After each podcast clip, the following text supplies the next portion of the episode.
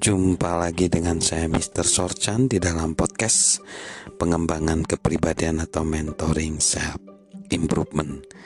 Kita tiba pada saat ini di langkah yang keempat yaitu berhentilah mencoba, mulailah bertindak. Saya akan mencoba mengusahakan yang terbaik.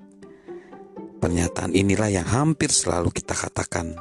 Secara tidak langsung kita mengatakan saya akan akan melakukannya semuanya dengan benar.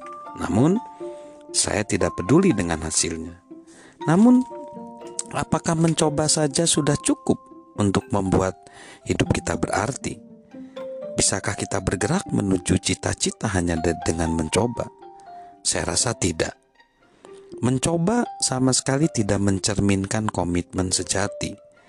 Mungkin lebih tepat disebut setengah hati Mencoba bukanlah janji untuk melakukan hal-hal signifikan yang berkaitan dengan pencapaian tujuan.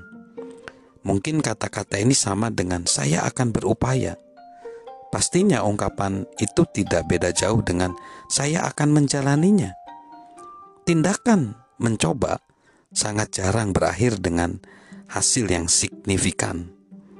Jika mencoba saja tidak cukup, lalu apa yang harus dilakukan? ya lakukanlah.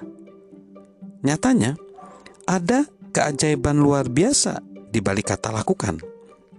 Ketika kita bertekad saya akan melakukannya, maka kita telah melepas kita telah melepaskan kekuatan luar biasa.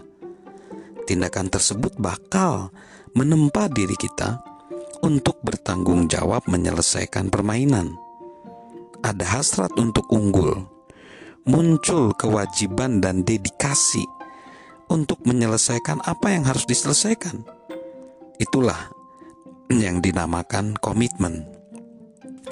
Perilaku ini juga membantu kita menjadi sosok yang kita inginkan.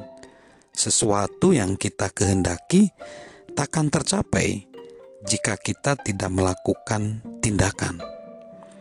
Jika tindakan mencoba hanya didasari niat baik, maka pelaksanaannya adalah bentuk kehidupan secara terencana.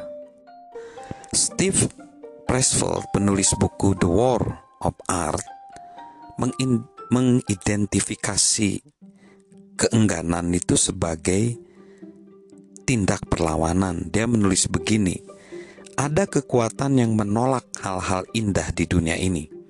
Dan parahnya, banyak yang menyerah sikap melaksanakan akan membantu kita menerobos kekuatan tersebut.